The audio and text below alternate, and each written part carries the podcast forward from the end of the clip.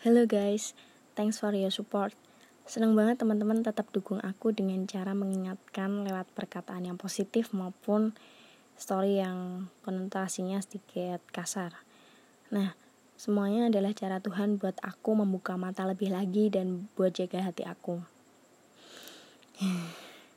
Minggu-minggu ini aku lagi kepikiran banget dan bertanya-tanya, gimana ya caraku untuk katakan, yuk sama-sama bangun hal yang benar yang diinginkan Tuhan.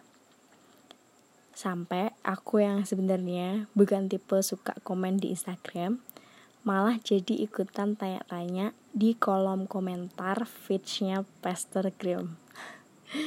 Bersyukur banget aku nggak dapat jawaban dari situ.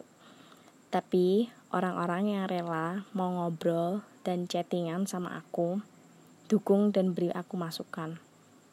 Aku punya temen yang berhasil buat aku sadar bahwa gak semua orang perlu kena amarahku. Dia udah berani ambil langkah yang gak banyak orang lain bisa lakuin.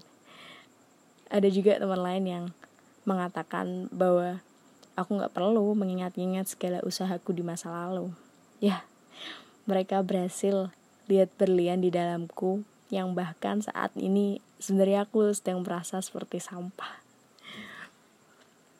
Mereka tolong aku supaya aku makin ngerti bahwa jangan sampai aku menghilang dan nilai-nilai yang aku punya pun ikut menghilang.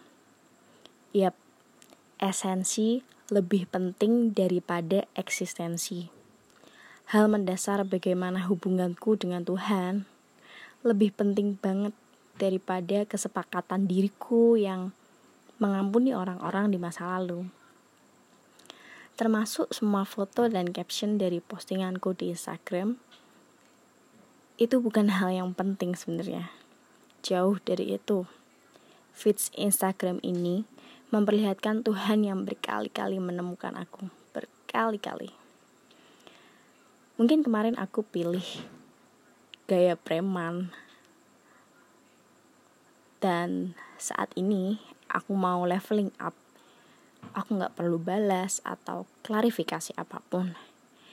Ya karena esensi lebih penting. Ini yang menguatkan hubunganku dengan Tuhan. Jadi buat teman-teman yang udah menyimpulkan apa pun tentang aku saat ini we need to talk as much as we need to know each others. Yep God finds me. So, if you want, you can find me too.